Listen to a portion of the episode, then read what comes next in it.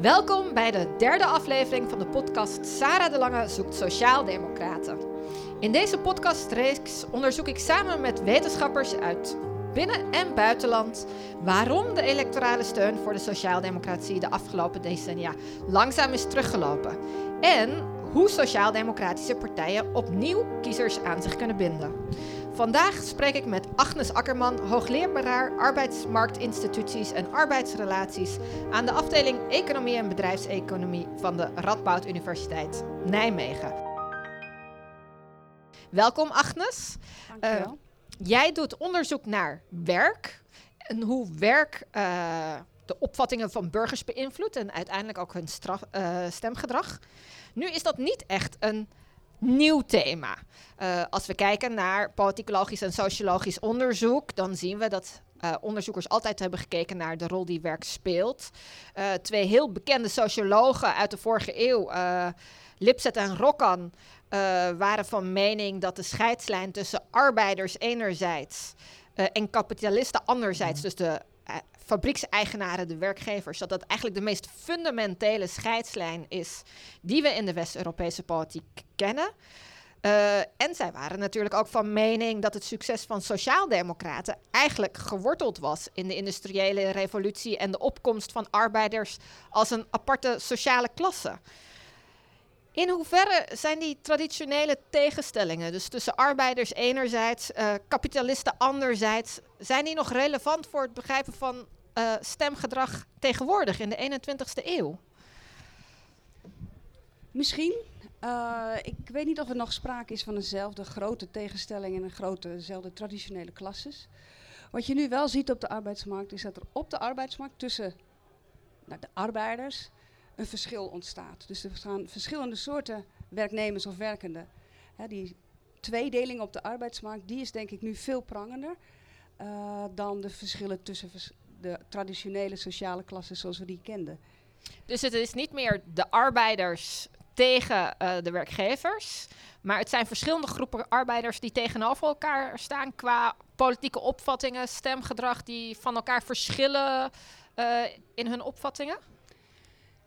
Nee, dat denk ik niet. Ik denk niet dat ze tegenover elkaar staan, maar ze, de, de, de, de groep die, uh, de insiders, de groep die uh, een, vast contract heeft, een stabiel inkomen heeft, die lijkt wel de situatie lastiger te maken voor de groep die dat niet heeft. Er is een groep werknemers of werkenden, sommigen werken ook niet binnen een arbeidsrelatie, dus niet, hebben geen contract. Die groep uh, die blijkt, steeds, uh, blijft, die blijkt steeds stabieler te zijn, uh, langduriger daarin te zitten en bijna niet uit die, die onzekere laag van de arbeidsmarkt uit te kunnen komen. Omdat de groep werknemers die vaste contracten hebben en een stabiel inkomen hebben, prettig werk hebben of in ieder geval een goede baan hebben, zo beschermd zijn dat andere groepen helemaal geen bescherming meer lijken te kunnen krijgen. Dus je hebt het af. Ja, dan krijg je dus eigenlijk binnen een nou ja, arbeidersklasse, maar binnen uh, de groep werknemers op de arbeidsmarkt. op zijn minst twee verschillende groepen. En je ziet ook dat die elkaars positie misschien niet helemaal begrijpen, of in ieder geval elkaar. De, e de ene groep zit de andere in de weg. Je hebt het over een tegenstelling tussen insiders en outsiders. En dan zijn de insiders de mensen met een vast dienstverband. En de outsiders de mensen die een tijdelijk dienstverband hebben, als uh, ZZP'er werken of anderszins uh, geen uh, vaste betrekking hebben. Is dat het belangrijkste onderscheid? Het type contract dat men heeft of het type arbeidsverband? dat is een van de belangrijkste oorzaken voor dat verschil. Maar dat, gaat nog veel, dat hangt ook samen met andere kenmerken van je werk. Het hangt samen met ook sommige fysieke aspecten van het werk. Het gaat vaak om zwaar, onaangenaam werk. Vaak, dat, dat hangt er ook mee samen. We zien ook een concentratie van bepaalde groepen... die toch al kwetsbaar waren op de arbeidsmarkt... die daar ook in, in dat soort arbeid zit. Dus er is een opeenhoping, stapeling van minder gunstige kenmerken van werk die ook nog eens onzeker is en zorgt voor instabiele, onzekere uh, inkomens.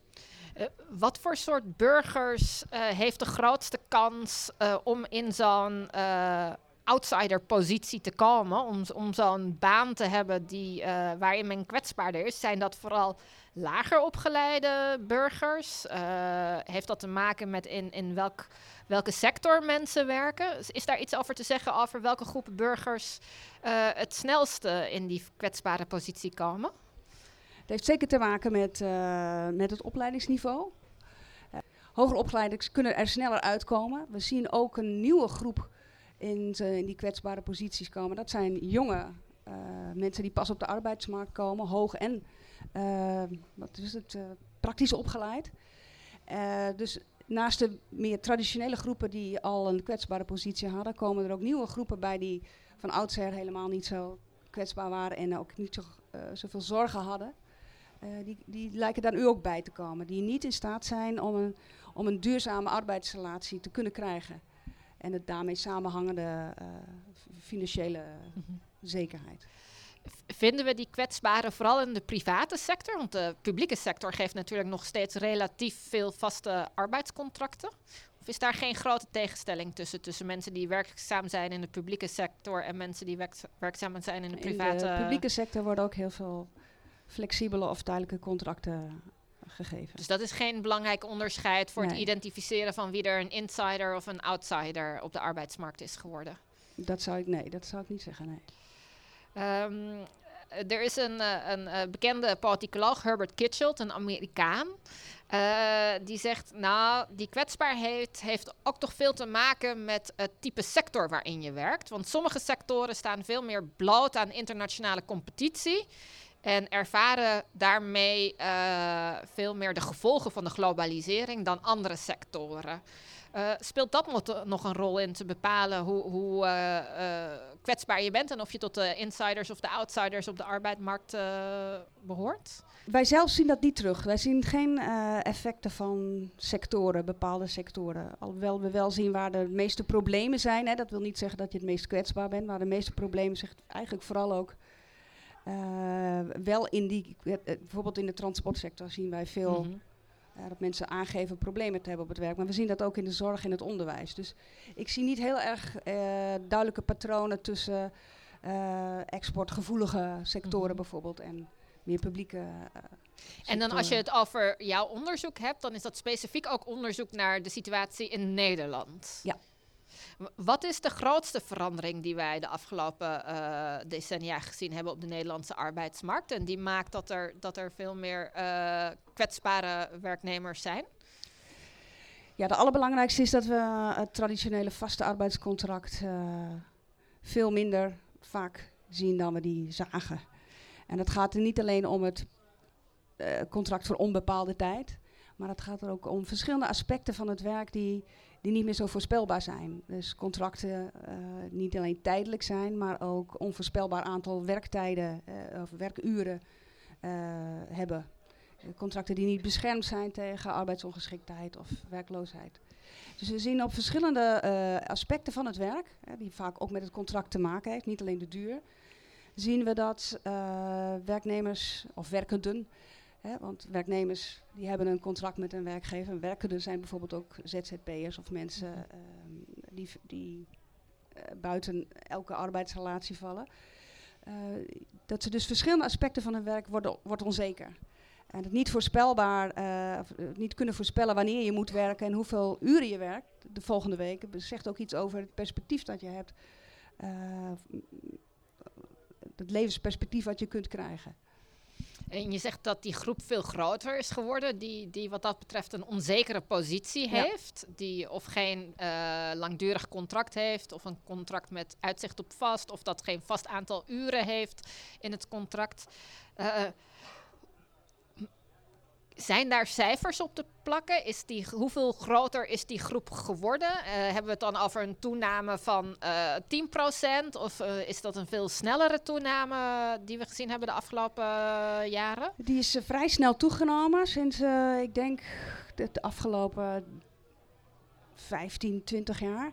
We zitten nu op zo'n 30% van mensen die geen vaste, vast contract hebben. En, en die dus tot die groep van outsiders gerekend kan worden, die kwetsbaar is. Uh niet, niet alles van die 30% is ook even kwetsbaar. Uh, er zitten ook uh, mensen die heel goed aan een inkomen, inkomen kunnen komen. Bijvoorbeeld een, een, deel van de ZZP'ers is helemaal niet zo kwetsbaar. Mhm. Maar de bescherming die men had van een vast contract, die is sterk afgenomen. Zijn er nog andere belangrijke veranderingen die plaats hebben gevonden op de arbeidsmarkt, die maakt dat de positie van, van werkenden is veranderd? Ja, een hele bekend is natuurlijk dat het vakbondslidmaatschap is afgenomen. Dat doet het al jaren. Maar dat in combinatie met de afname van het vast contract verandert de positie van werkenden ten opzichte van de werkgever eigenlijk enorm. In heel veel gevallen. En in welke opzichten verandert het die positie dan? Wat wij zien, in ieder geval, is dat, uh, dat, een, een, dat de positie van werknemers, als het gaat om het verbeteren van hun eigen positie, hun mondigheid, uh, heel erg afhankelijk is van welk soort contract ze hebben of dat ze lid zijn van een, van een vakbond bijvoorbeeld. Dus wat, wat we zien is dat mensen de, de, de, de mogelijkheden om zelf iets aan je situatie te kunnen veranderen, uh, verandert. Dat ligt eigenlijk heel erg voor de hand. Hè. Uh, vroeger uh, was de vakbond die je beschermen en je had ook nog eens een vast contract. Maar nu voor jezelf opkomen, als, er, als je een probleem hebt op het werk, op zich is het, geen, is het natuurlijk helemaal niet gek dat er wel eens een situatie op het werk is waar je ontevreden mee bent of die onveilig is, een te hoge werkdruk. Maar vroeger kon je daar wat aan doen en kon je, uh, genoot je relatieve bescherming omdat je een vast contract had. En wat we nu zien is dat mensen die dat niet genieten, ook niet meer mondig durven zijn. Of het niet meer denken, nou ja goed, ik ben over een paar maanden weg, laat maar. Daardoor blijven wel hele ja, onrechtvaardige en onveilige en, en, en uh, onwenselijke situaties bestaan. Want het is belangrijk dat mensen die op het werk een situatie ook kunnen aankaarten als daar iets mee is. Dus als ik je goed begrijp, zeg je, nou, het is niet alleen zo dat die, die kwetsbare werknemers, die outsiders, uh, dat die gewoon het economisch uh, minder goed hebben, omdat ze niet zeker zijn van een inkomen dat nog doorgaat aan het einde van hun contract, omdat ze meer steun misschien nodig hebben van van de overheid als ze werkloos worden en dergelijke. Dat het niet alleen om hun, materiële belangen gaat, maar dat ze ook in andere opzichten kwetsbaarder zijn door hun positie.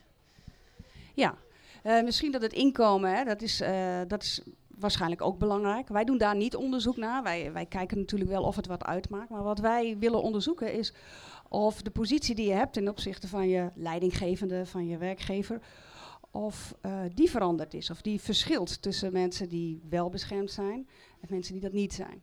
En wat wij zien is dat mensen met een tijdelijk contract, uh, dat, dat, kunnen allerlei vormen zijn, want we hebben niet alleen maar het tijdelijke contract binnen een arbeidsrelatie, maar ook veel andere vormen. Mensen die niet beschermd zijn uh, met die ontslagbescherming, dat die twee keer zo vaak, en dat vind ik best veel, problemen niet aankaart op het werk. En dan gaat het niet eh, over een prullenbakje dat niet geleegd is. Dan gaat het over veel te hoge werkdruk, veiligheidsregels die niet nageleefd worden, intimidatie, rustpauzes die niet ge genomen kunnen worden, nou, et cetera. Of niet uitbetaald krijgen. Dat gaat om soms ernstige situaties op het werk.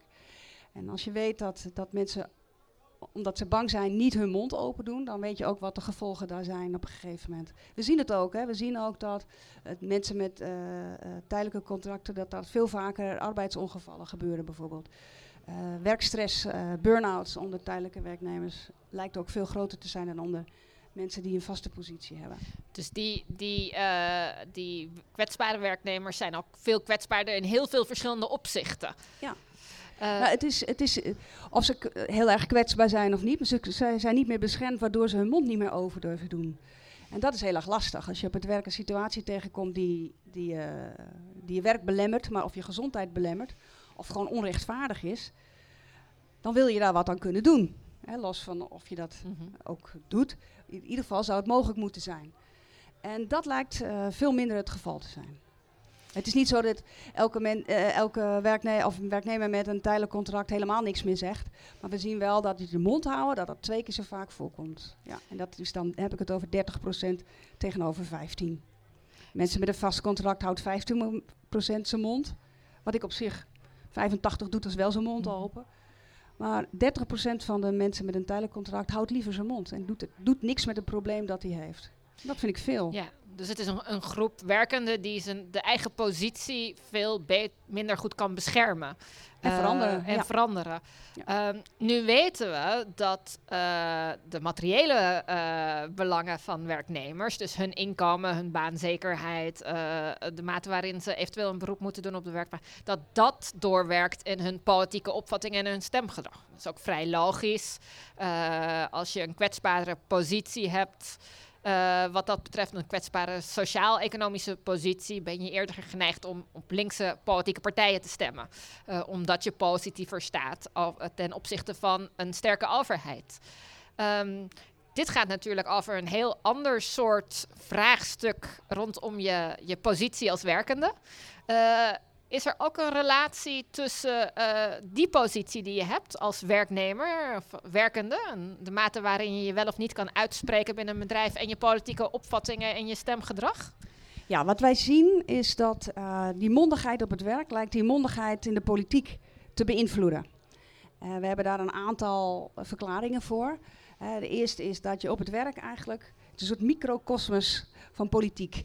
En met micro bedoel ik niet dat het heel klein en onbelangrijk is. Het is juist veel belangrijker misschien dan wat er zich in de politiek afspeelt. Ik denk dat de meeste mensen wakker liggen van hun werk en niet van wat er in de politiek vandaag is gebeurd, als ik heel eerlijk ben.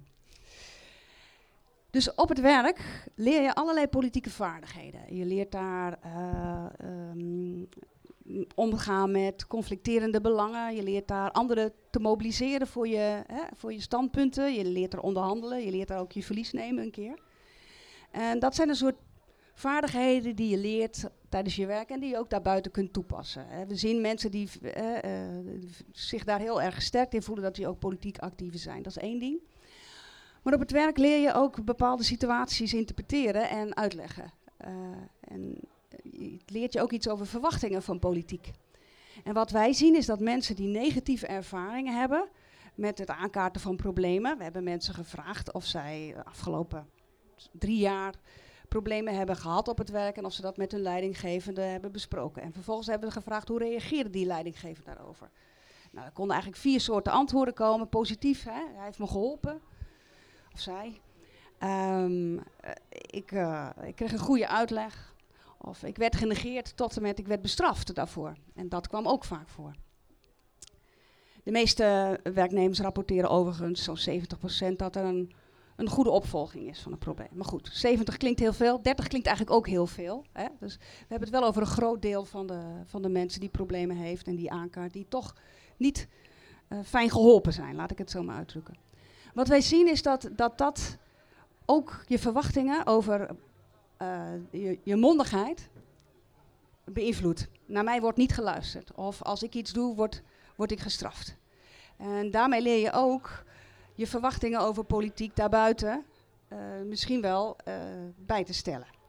Wat wij zien is dat mensen die, uh, en we verklaren dat aan de hand van een bepaald psychologisch mechanisme, als jij op het werk gestraft wordt voor je mondigheid, en dan komen hele serieuze antwoorden daarop, hè, je contract wordt niet verlengd, je wordt, krijgt heel onaangename uren om op te werken, je wordt geïntimideerd of genegeerd. Wij zien dat mensen dan een bepaald mechanisme gaan uh, gebruiken om dan met een situatie die vrij bedreigend is en, en uh, stressvol is, om daarmee om te gaan. En dat is een soort zwart-wit denken. Ja, je gaat alles van je, van je baas die jou zo dwars zit, ga je als negatief interpreteren. Het is een verdachte persoon geworden. Hij is de verdachte baas, de slechte baas tegenover de onschuldige werknemer. En we zien dus in de politiek, als daar teleurstelling is, dat je eenzelfde, hè, of die iemand goed met je belang is omgaan, eenzelfde soort mechanisme op teruggegrepen wordt. Het zwart-wit denken, hè? De, de, het pure volk, hè? zoals uh, de definities van, populistische, uh, van populisme ook genoemd. Het pure volk tegenover de corrupte politieke elite. En zo zien we, we hebben, we hebben kunnen vaststellen dat er een relatie is tussen mensen hun ervaring op het werk, negatieve ervaring op het werk, en de kans dat ze populistisch gaan stemmen. Dus in die zin hebben de interacties op het werk, hè, hoe met jou als werknemer, als werkende wordt omgegaan, hebben die effect op je politieke mondigheid. Even om te kijken of ik het goed begrijp, want dit is een heel nieuw argument uh, in de politicologie en de sociologie. Dus wat je eigenlijk zegt is dat je ervaringen op de werkvloer eh, zich vertalen in je ideeën over hoe politiek en samenwerking, samenleving werken. Dus als je iets ervaart op de werkvloer, eh, wat je interpreteert in een tegenstelling tussen jou als werknemer eh, en de macht, De op je autoriteit, ja. op je werk die, die niet naar je luistert, dan beïnvloedt dat ook hoe je denkt over hoe de politiek naar jou luistert als burger. Hoe de autoriteit, ja, bijvoorbeeld de regering, eh, omgaat met jouw belangen. Ja. En dat beïnvloedt dus eh, je steun voor populistische ideeën. En het stemmen op populistische partijen dan ook, neem ik aan. Ja. Dus deze eh, werkenden die negatieve ervaringen hebben met de, de mate van inspraak die ze hebben in hun eigen eh, omstandigheden. Dan niet inspraak in de medezeggenschapszin van het woord, maar in brede zin de mate waarin ze hun werkomstandigheden kunnen beïnvloeden en problemen kunnen aankaarten. Die daar negatieve ervaringen mee hebben, die zijn dus eerder geneigd om te stemmen op een populistische partij dan, dan eh, kiezers of burgers die dat, die dat niet zo meemaken? Ja, niet allemaal natuurlijk. Dus komt natuurlijk de wetenschappen weer met de nuance. We zien dat vooral bij mensen die moeite hebben met eh, eh, hoe macht verdeeld is in de samenleving. Dus als jij mensen die, die, het, die het helemaal niet zo erg vinden dat zij een, eh, een, dat het macht ongelijk verdeeld is binnen een organisatie of de samenleving, die reageren niet zo op zo'n straffende reactie van een leidinggever. Maar mensen die het vervelend vinden en of onrechtvaardig vinden dat er machtsverschillen zijn in de samenleving, die reageren vaker eh, met zo'n reflex om ja, dat soort denken ook te spiegelen in de samenleving, in de politiek. Eh, als ik je goed begrijp, zeg je dat dit, dus, dit, dit soort ervaringen eh, op de werkvloer bij kunnen dragen aan steun voor populistische partijen. Werkt het ook omgekeerd? Kan het ook deels verklaren waarom gevestigde partijen op dit moment aan steun verliezen? Heeft het een negatief effect op het stemmen op gevestigde partijen, zoals Sociaaldemocraten natuurlijk? Dat zou goed kunnen. Ik moet nu gaan speculeren, hè, maar goed, dat doe ik dan. Het zou kunnen dat eh, gevestigde partijen, zeker als ze coalitiegenoot zijn geweest in een regering, dat die gezien worden als zij die de macht hadden en niet goed voor mij opgekomen zijn, mij in de steek hebben gelaten. Dat zou goed kunnen. Zo zou ik het verklaren. Wel ik dat natuurlijk niet op die manier heb onderzocht, maar zo Mhm. zou je dat kunnen doortrekken naar een verklaring voor minder steun voor bijvoorbeeld Dus sociaal-democratische het gaat er daarbij om dat bepaalde partijen als onderdeel van de elite gezien worden. Een elite die door populistische partijen als slecht wordt gepresenteerd. Eh, en dat die daardoor mee eh, geplaatst worden in, dit populistische, in die populistische foute kant tegenstelling. staan, Aan ja. de foute, kant staan. eh, Ja. voor, voor werknemers die, of werkenden die hiervoor gevoelig zijn. Voor deze, Ja. dit, deze manier van denken in een tegenstelling. Tussen zij die wel de macht hebben en zij die niet de macht Ja. hebben. Ehm, maar dat is wel een, een, eh, een interessante situatie dan. Want sociaal-democratische partijen zijn natuurlijk altijd de partijen geweest die juist aandacht hebben gehad voor eh, eh, relaties op de werkvloer, de positie van werknemers, de mate van inspraak die zij hebben op hun werksituatie. En dat, dat wordt dan door deze eh, groepen werkenden, door de tegenstelling die, die zij zien tussen, tussen elite en, en eh, de gewoon, het gewone volk, eh, niet op die manier geïnterpreteerd. Nee, dat denk ik niet. Hè. Dus ik heb het niet over de hele groep natuurlijk. Maar het is, het is, dan moet je, als het gaat om het herkennen van de groep die je belangen behartigt, moet je dat ook wel als, als zodanig zien en interpreteren. En als daar natuurlijk, wat voor reden dan ook, een soort van wantrouwen ontstaat, als dat ze wil doen, dan, dan verlies je die groep. En die is dan heel eh, gevoelig voor het appel van dat zwart-wit denken. Van de politieke elite. Hè, waartoe sociaal-democratische partijen ook ze nu en dan behoren, of eigenlijk behoren, of hebben behoord toen zij eh, onderdeel uitmaakten van de, van de regering, worden dan ook als verdacht gezien. Ehm, ik weet dat wetenschappers eh, niet snel geneigd zijn om hun eigen onderzoeksbevindingen te vertalen in eh, beleidsadvies. Maar kan je eh, op basis van deze bevindingen concluderen dat uh, het belangrijk is om de posities van werkenden uh, te versterken? In de zin dat ze toch meer ruimte moeten hebben om zich uit te spreken over hun situatie, hun werksituatie. En dat hun zorgen serieuzer genomen moeten worden op de werkvloer? Ja, dat lijkt me noodzakelijk. Ja, los van de politieke consequenties die het heeft ja, kan het kan toch bijna voor niemand acceptabel vinden dat mensen in onveilige situaties of uh, te hoge werkdruk ervaren of onrechtvaardige situaties ook blijven werken, omdat ze daar niet durven iets van te zeggen. Dan kun je eigenlijk niet voorstellen dat iemand dat oké zou vinden. Dus eh, ik denk dat we daar inderdaad, daar zouden we voor moeten zorgen. Uh, zijn er uh, in jullie onderzoek ook uh, best practices naar voren gekomen wat dat betreft? manieren van inspraak waarvan jullie zeggen van nou ja, dit, dit zijn het, het, het, type mechanismen of het type sectoren, bedrijven, type situaties waarin in werknemers zich wel goed gehoord voelen? Nee, zo hebben we er ook nog niet naar gekeken. Maar we nu wel mee bezig zijn iets anders te onderzoeken is om te kijken, hè, maar als je nou ervan uitgaat dat dat vast contract, nou ja, misschien hè, de, met de commissie Borslab, dat we, mm dat we een, een aantal van die uh, nieuwe, flexibele, zeer onzekere contracten zullen, misschien wel zullen afschaffen of niet, afhankelijk wat, wat de politiek gaat doen met dat rapport. Maar als je ervan uitgaat dat je daar misschien niet op kunt rekenen, hè, dat het vaste contract terug gaat komen als uh, dominante, het is nog wel steeds dominant, maar als dominante uh, toekomstperspectief, en dat je ook niet afhankelijk wil zijn van of de vakbonden nog weer heel veel leden krijgen. En we weten ook dat mensen met een tijdelijk contract ook niet zo snel geneigd zijn om, om uh, lid te worden van een vakbond. Dan zou je moeten overwegen of je de mensen niet individueel minder kwetsbaar zou moeten maken. En wat wij uh, nu willen gaan onderzoeken is of je mensen kunt voorbereiden op de positie op de arbeidsmarkt die zij innemen in, in veel, veel minder beschermde traditionele uh, arbeidsrelaties. Dus misschien moet je mensen gewoon trainen om voor zichzelf op te komen en dat op een veilige manier te doen. Dus wij gaan nu uitzoeken of je daar manieren voor kunt uh, bedenken. Dan ben je minder afhankelijk van ja, wat de politiek voor je gaat doen. Uh, jullie gaan dit nog onderzoeken.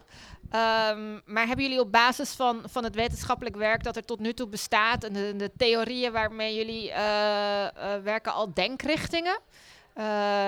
aan wat voor soort voorbereiding moeten we dan denken? Wij zitten nu te denken, omdat we zien dat zeker uh, MBO-afgestudeerden, dus mensen die met een MBO, die, die voelen zich ook, hè, we, vragen ze ook in hoeverre ze zich in staat voelen voor zichzelf op te komen en in hoeverre ze in staat zijn om een, uh, een um, het niet nakomen van hun arbeidscontract of een CAO in staat zijn te herkennen. En juist die groep, hè, dat is een vrij grote groep, en dit is ook een belangrijke groep op de arbeidsmarkt, zeker nu, hè, uh, dat die zich daar minder zeker van voelt. Uh, en alleen al je zekerder voelen maakt je beter in staat om daar ook iets aan te doen. Nou, je zou gericht op die groep, al op de opleiding, uh, enkele trainingen daarvoor kunnen verzorgen bijvoorbeeld. Nou, we gaan uitzoeken of dat mogelijk is, samen ook met mbo-scholen. Dus uh, net zoals we nu jongeren proberen digitaal literate te maken, uh, ja. Zouden we eigenlijk uh, jongeren ook in hun opleiding uh, literate moeten maken in hun, hun arbeidsrechten en in hoe een, een, een, arbeidscontract in elkaar zit, waar je op ja. moet letten daarbij? Ja, en dat is vrij, vrij, vrij hard nodig, zou ik zeggen. Ik vraag mijn studenten wel eens wat ze weten, of ze weten wat een CAO is. En dat weten ze niet. Terwijl de meeste, hè, de meeste mensen toch nog onder een CAO vallen. Terwijl heel handig is om te weten wat erin staat en waar je die kunt vinden bijvoorbeeld. Dus simpelweg dit soort voorlichting, maar ook meer zelfvertrouwen krijgen dat je misschien wel gelijk hebt. Hè, als je iets observeert wat, waarvan je denkt dat kan niet door de beugel. Dat je dan ook de, dat durft aan te kaarten of in ieder geval mensen kunt mobiliseren die je daarbij kunnen helpen.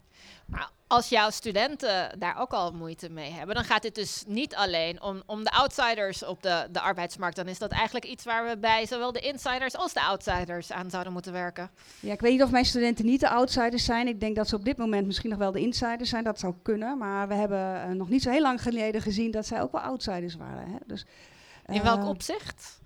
Ook geen vaste banen konden krijgen. En van tijdelijk naar contract naar tijdelijk contract. Of zelfs op stage, als soort stagiair overal maar voor niks moeten gaan werken. Omdat ze dan uh, werkervaring zouden opdoen. Waarmee ze dan wel hopen aan de slag te kunnen. Dus nu gaat het economisch goed.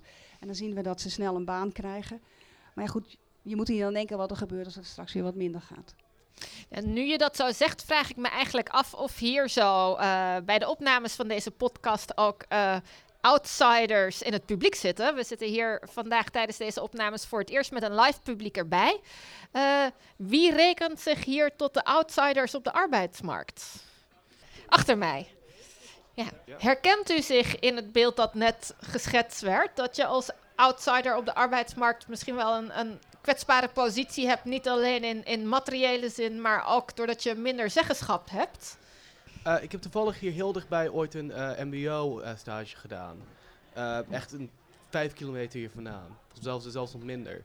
En ik merkte op dat moment dat ik eigenlijk een volledige werkbaan aan het doen was.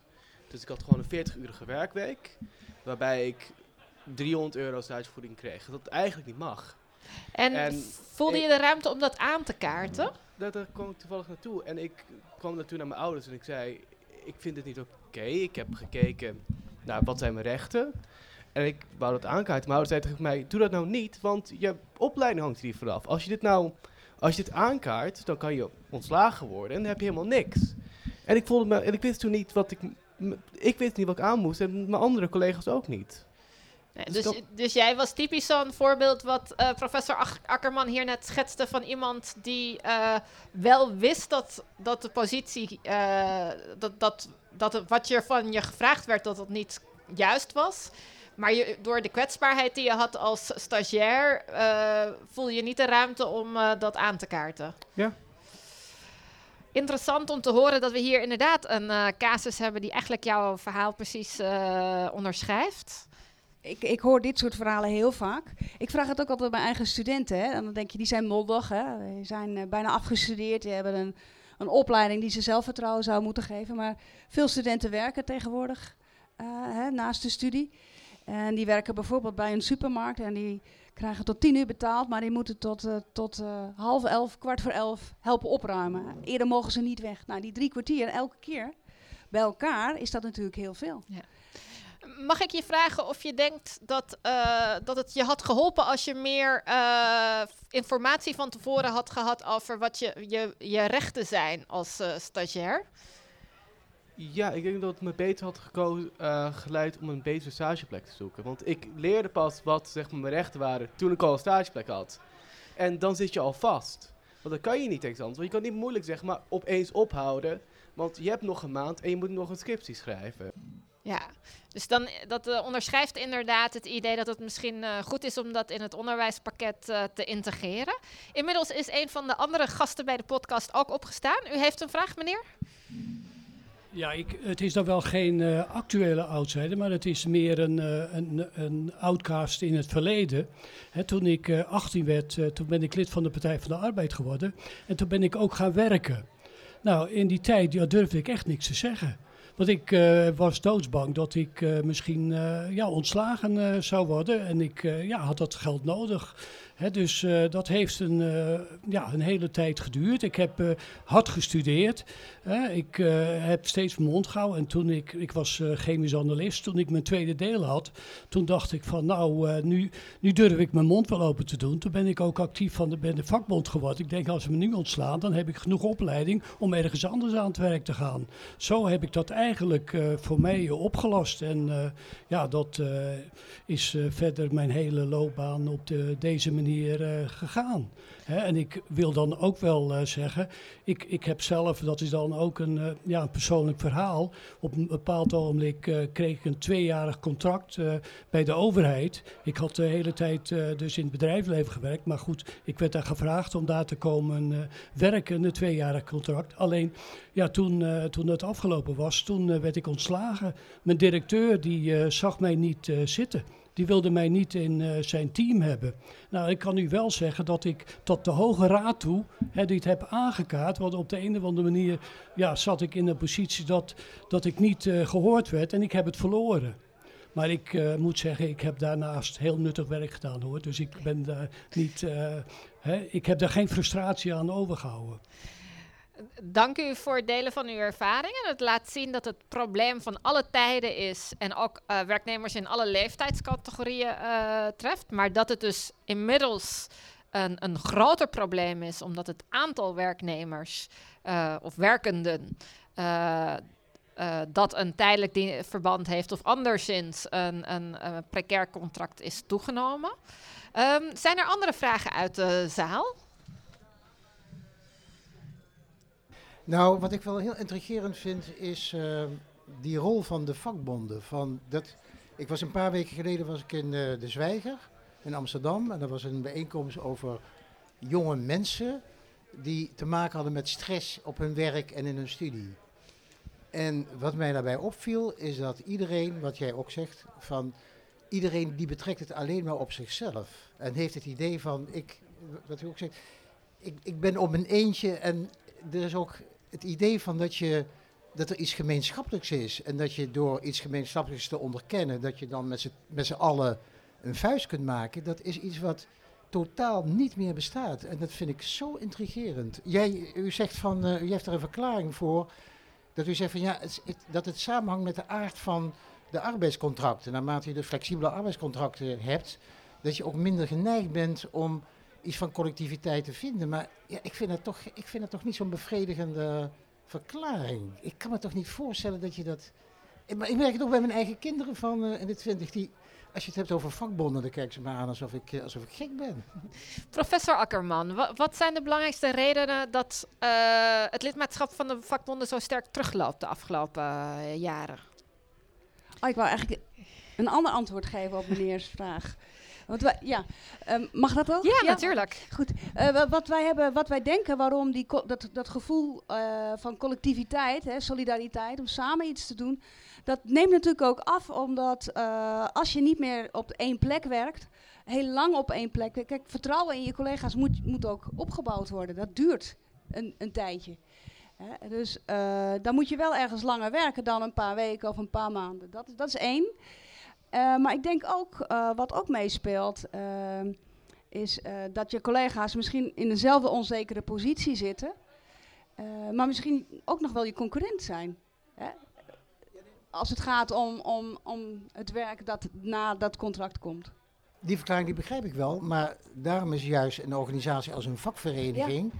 die maakt het uh, wat minder individueel en maakt het collectief. Ja. He, daardoor ben je niet meer zo afhankelijk van je directe collega, want je hebt een, je hebt een vakbond. He, dat, dat, dat, dat is, een, dat is een, wat macro-achtig orgaan.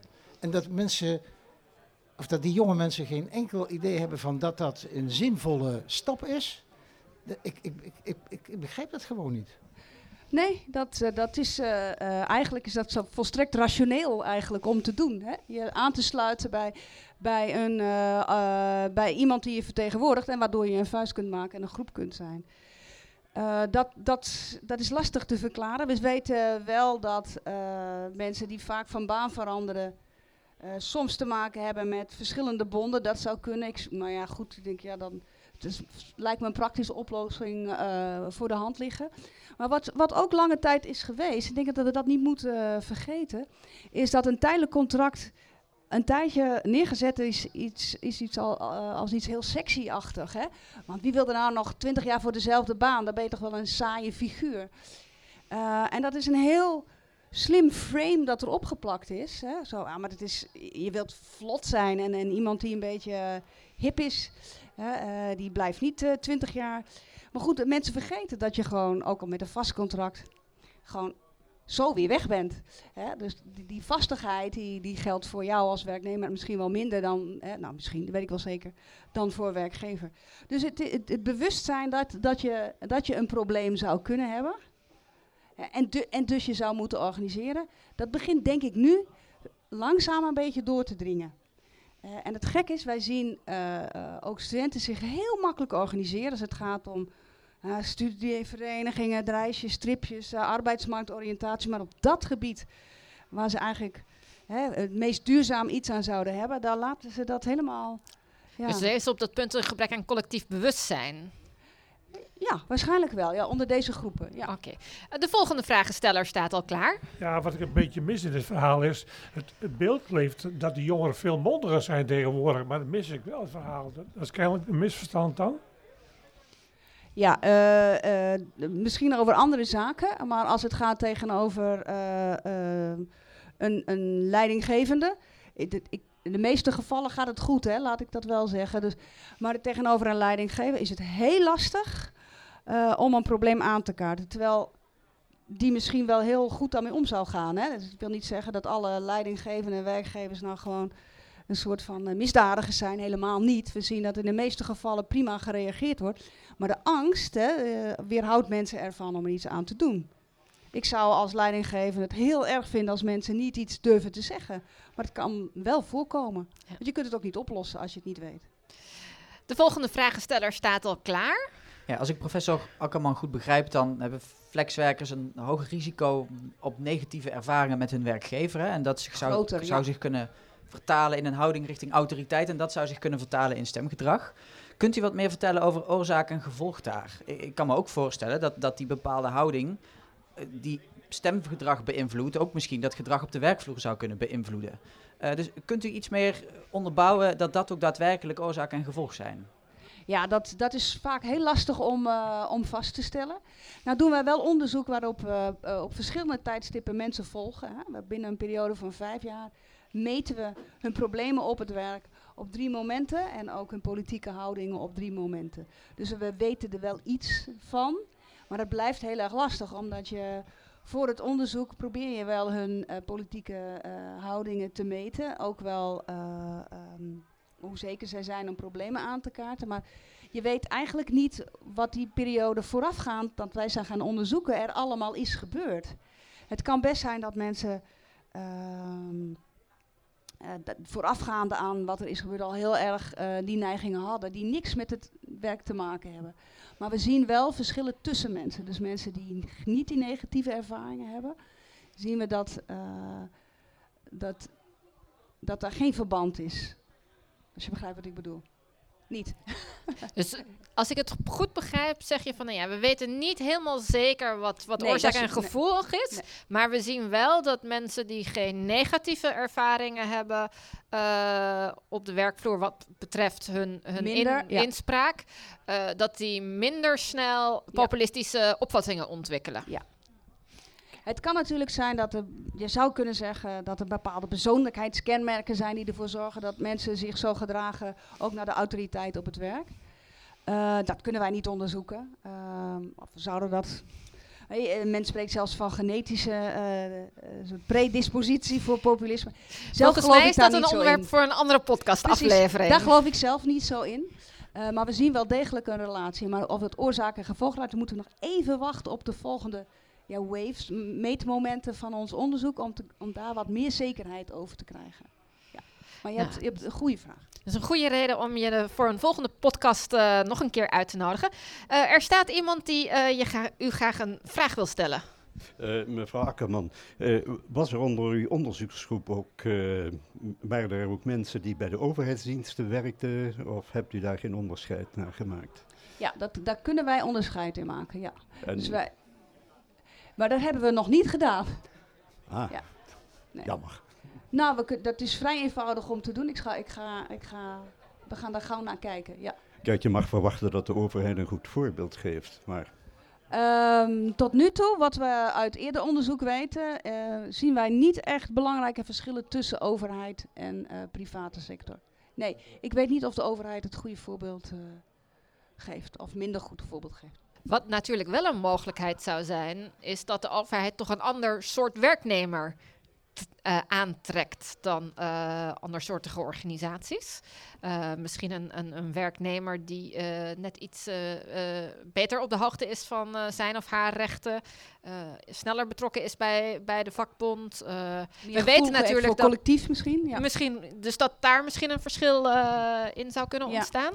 We hebben daar in een eerder onderzoek naar gekeken en daar vonden wij dat eigenlijk niet. Dat is, dat is Dat is- best verrassend. Want we weten natuurlijk dat er bepaalde sectoren zijn die bovengemiddeld bijvoorbeeld eh, lid zijn van de vakbond. Ja. Eh, dan ben ik heel benieuwd eh, wat er uit dit onderzoek op dat terrein Ja, gaat nou, komen. we gaan daar nog verder naar kijken. En vakbondslidmaatschap is natuurlijk niet meteen hetzelfde als problemen aankaarten op het werk of da en, en of daarvoor gestraft worden of niet. Maar vooralsnog zien wij geen hele duidelijke patronen zoals, zoals hier eh, terecht misschien verwacht worden. Die zien wij nog niet terugkomen. Oké. Eh, meneer, Eh, ja, ik heb eigenlijk twee vragen. Ehm, mijn eerste vraag is eigenlijk, ik zit in een vakgebied ehm, programmeren. En daar hebben we geen vakboen, eh, vakbonden. Weet u waarom sommige ehm, vakgebieden zoveel moeite hebben om een vakbond op te richten? Sommige sectoren hebben, zijn sterker georganiseerd in vakbonden dan Ja. andere. Eh, heeft dat primair te maken met dat in sommige sectoren mensen vaker tijdelijk werk hebben of eh, onzekere Ja. arbeidscontracten? Dat zou kunnen. En, eh, maar je zit ook in een vrij nieuw beroep volgens mij, of niet? Ja, Dus daar waar eh, traditioneel veel, eh, al veel georganiseerd is, is dat al helemaal geregeld en georganiseerd. Terwijl in, in, in wat meer nieuwe industrieën en beroepen dat nog allemaal van de grond moet kopen en komen. En zeker daar waar hè, je individualistisch werk doet, hè, dus niet in een, in een groep of tegelijk hè, eh, in eenzelfde ruimte, bijvoorbeeld op hetzelfde moment gemeenschappelijk eh, iets doet, dan zal dat ook nog lastiger zijn. Want dan inderdaad, het, het bewustzijn van, eh, van een collectief of van een collectief probleem is, dan komt dat langzamer tot stand. Betekent dat dat we in de toekomst misschien sectoren zullen gaan zien waar, waar helemaal geen vakbondorganisaties actief zijn? Is dat nu Ik denk al dat die er inderdaad nu Ja? ook al zijn, ja. Waar ze veel zwakker zijn, ja. Ja, dat is die van mij. Je hebt een eh, ICT-vakbond voor eh, als je bij een datacenter werkt. Niet als je een creatief beroep in de ICT doet. En ik heb, ook, ik heb ook heel vaak teruggehoord hoe moeilijk het is om terug te praten tegen je baas. En ik moest er net aan denken. Want ik ben eigenlijk op mijn stageplaats een beetje ontslagen door mijn baas. Een week voor, mijn, eh, voor het einde. Omdat eh, mijn baas wou iets dat niet kon. En ik kwam met hem in discussie. En eh, toen ben ik door de directeur, met heeft iedereen samengeroepen. En heeft het allemaal in een klein kamertje gezet en heeft mij ehm, publiekelijk ontslagen. En ik merkte dat mensen wel voor mij een op, maar, mij wouden verdedigen, maar dat die dat niet konden, omdat ze bang waren voor hun eigen baan. Bang waren voor hun eigen studie. Hoe, zou, hoe zouden we daarmee om kunnen gaan? Het is heel interessant wat je hier zegt, want wij hebben eh, de mensen die, eh, die wij bevragen, vragen wij ook naar de reacties van de collega's. Hè, dus dan, eh, we vragen niet alleen hoe reageerde je leidinggevende of je, ja, meestal je leidinggevende, maar ook hoe reageerde je collega daar dan weer op. En wat je ziet is dat mensen die gesteund worden door hun collega, veel minder last hebben van de negatieve effecten daarvan. Eh, ook voor als het gaat om arbeidstevredenheid en, en geluk. Dus dat is heel belangrijk, die steun die je krijgt van je collega's. Dat, dat, dat zegt je, het leert je ook iets over hoe belangrijk het is om eh, een collectief te zijn, om samen iets te doen. Hè. En dan gaat het niet alleen om de vraag of ze hè, samen met jou naar de baas te zijn gegaan, maar dat gaat ook al om bijvoorbeeld als jij een lastige situatie hebt, daar met jou, hè, jou te laten blijken dat ze dat hebben gezien en dat ze erkennen dat dat, een, dat, dat eigenlijk niet kan. Of werk van je overnemen als, je, als, je, als dat bijvoorbeeld jou kan helpen. Dus het is heel belangrijk dat collega's eh, een, een reactie vertonen. En dat, eh, die solidariteit, die daar, eh, daar kunnen mensen uit putten. Dus Ja. het is eh, als het gaat om, om, eh, a- om beleidsaanbevelingen op basis van deze bevindingen, is het ni- niet voldoende om eh, alleen eh, die, die eh, kennis op peil te brengen over de rechten van werknemers. Eh, maar ook dat, dat, dat, we, dat er een soort bewustzijn gekweekt wordt eh, bij werknemers dat het ook belangrijk is dat ze samen optrekken op sommige punten om die rechten te beschermen. Nou, als ik weet wat mijn rechten zijn en jouw rechten zijn, dan zou ik bijvoorbeeld eerder voor jou op kunnen komen. Dus, dus als ik daarin getraind ben, dan ben ik ook meteen al eh, eh, steun voor, voor een van mijn collega's bijvoorbeeld. Dat lijkt me een eh, hele mooie positieve conclusie om eh, mee af te sluiten. Eh, dit was de podcast Sarah de Lange zoekt Sociaaldemocraten. U kunt deze podcast volgen via alle bekende podcastkanalen. Heel erg veel dank, professor Akkerman van de Radboud Universiteit. Dank aan de aanwezigen bij deze live-uitzending voor uw deelname. En tot de volgende uitzending.